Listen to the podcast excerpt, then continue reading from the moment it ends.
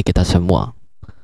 Dan teman-teman juga tahu kan kalau pandemi saat ini juga semakin ganas ya. Ya, dengan cara dengan menerapkan protokol kesehatan mungkin kita semua dapat terhindar dari wabah COVID-19 ini ya teman-teman semua.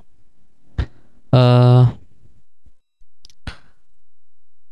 Kali ini saya ingin membahas yang lebih dalam semua orang pasti juga merasakan hal tersebut. Apa itu ya?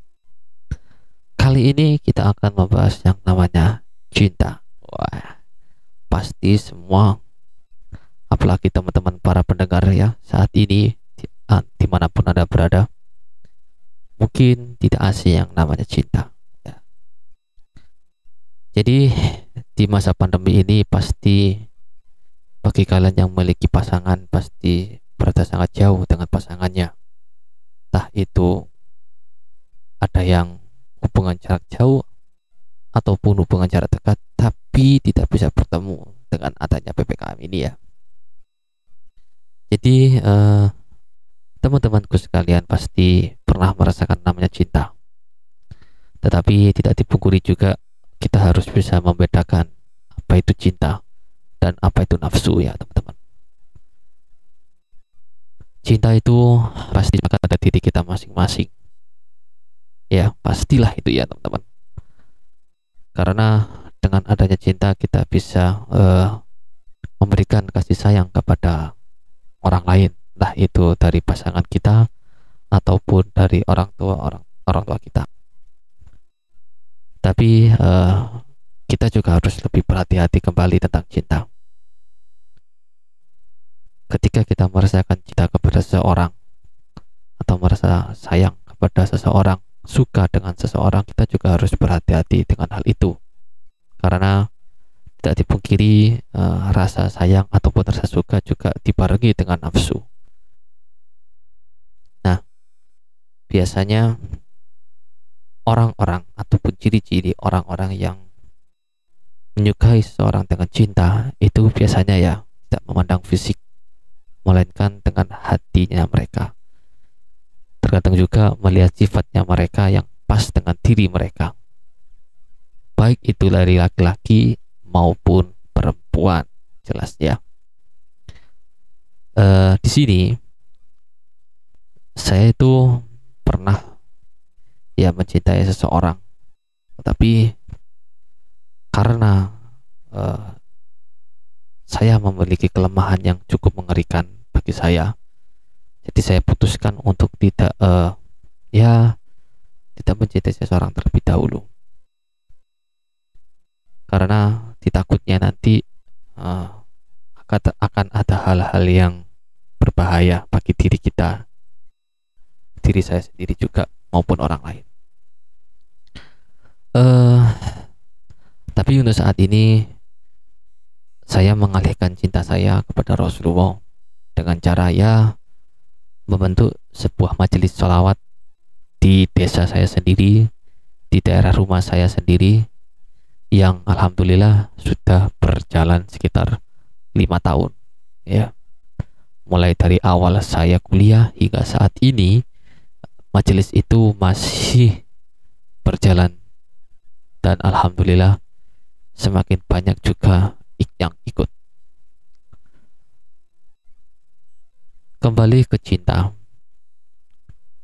Ketika kita merasa cinta dengan orang tersebut, kita akan berjuang mengorbankan apa pun yang kita punya, baik itu dari secara moral atau non moral ya. Pasti kita akan perjuangan hal itu kepada orang yang kita cintai seperti saya mencintai Rasulullah dengan cara bersolawat saya selalu lantunkan solawat dan berjuang untuk mempersiapkan uh, keperluan-keperluan uh, untuk solawat di zaman sekarang ini. Begitu pula dengan teman-teman juga pasti jika teman merasakan cinta kepada orang lain pasti teman-teman juga akan mengorbankan waktu dan tenaga teman-teman buat orang yang dia cintai. Tapi ketika kita mencintai seseorang, mencintai sesama manusia, kita pasti akan mengalami yang namanya sakit hati. Ketika kita cinta dengan orang lain dengan penuh kasih sayang, tetapi dibalasnya dengan rasa yang membuat kita kecewa. Kalau sakit hati, itu pasti akan sangat menyakitkan dan saya tahu pasti teman-teman pernah merasakan hal tersebut dan saya pun juga pernah merasakan hal tersebut ketika saya mencintai sesama manusia. Itulah resiko ketika kita mencintai orang tersebut. Tapi saya belajar banyak hal tentang cinta. Mulai dari cinta kepada manusia, kepada Allah dan lain sebagainya. Ya, sangat dipungkiri kita juga harus belajar bersikap dewasa mengenai cinta. Karena ketika kita mencintai seseorang juga hawa nafsu kita ikut. Bagaimana kita menahan hawa nafsu kita, bagaimana kita uh, menahan hal-hal jelek ketika kita mencintai seseorang, ketika kita belum menikah. Ya, kalau kita sudah menikah, itu merupakan hal yang uh, lumrah dan sudah sah ya, menurut agama maupun negara. Tapi kita ketika kita mencintai seseorang sebelum menikah, itulah resiko. Itulah uh, apa ya bahayanya nanti timbul-timbul fitnah juga bisa dan lain sebagainya. Yang paling parah lagi ketika kita sudah mencapai masa galau, di mana kita entah itu diselingkuhi ataupun ditinggalkan oleh pasangan kita, wah itu sungguh pasti sangat menyakitkan bagi teman-teman semua. Begitu pula dengan saya juga pernah merasakan hal tersebut, sampai pernah uh, melakukan hal bodoh ya bagi saya, yaitu pernah saya menangis. Menangis kepada orang yang saya cintai. Karena ketika orang saya cinta itu saya benar-benar mencintai dia tetapi dia melakukan hal yang uh, membuat saya kecewa yaitu dia selingkuh dengan uh, sepantarannya. Itu sungguh menyakitkan. Ketika kita berusaha mencintai orang itu mempercayai orang itu dan seketika orang itu membuat kita kecewa itu sungguh membuat kita uh, sangatlah ya bisa dibilang sangat-sangat menyakitkan. Apalagi itu terjadi jika kita sesudah nikah, menikah. bila mentalik jangan sampai orang-orang yang telah menikah itu jangan sampailah kita selingkuh. Bahaya, bahaya pada diri kita sendiri, bahaya untuk ke depannya juga. Berusahalah untuk menjadi orang yang setia kepada pasangan kalian masing-masing. Jika kalau dikatakan berat, iya, berat. Apa yang ada di dunia ini pasti berat, kecuali kita sudah hidup di surga nanti. Tidak ada kata berat bagi kita mencintai seseorang. Ketika kita sudah kalau itu pasti ada yang tidak bisa makan, malas makan, kemudian tidak bisa tidur, terlalu memikirkan pasangan kita masing-masing Wah, ini sungguh menyakitkan bagi saya. Dan teman-teman juga merasa, merasakan hal tersebut, bukan? Pastinya.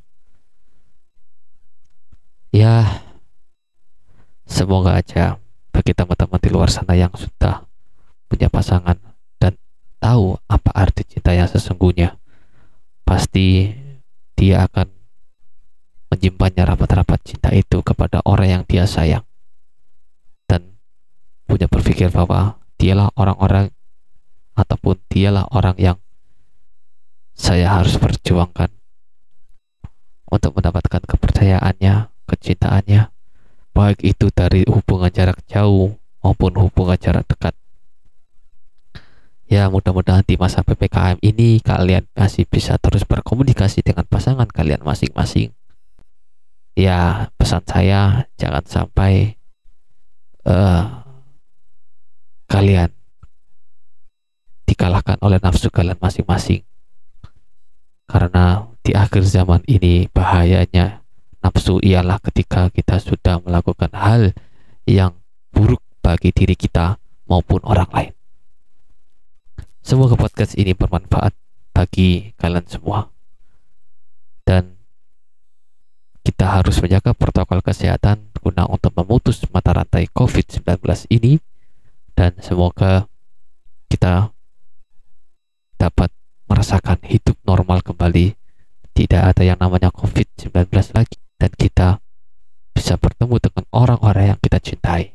Dan orang-orang yang melakukan hubungan jarak jauh bisa bisa bertemu kembali di sebuah pertemuan yang di mana pertemuan itu ialah sebuah akad nikah di mana seorang mempelai pria bersumpah untuk menjaga ataupun uh,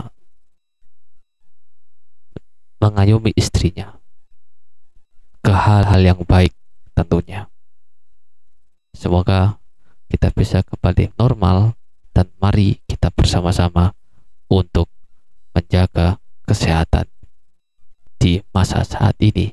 Seakhiri di podcast kali ini, tunggu episode-episode berikutnya di Daily Wafu. Sampai jumpa.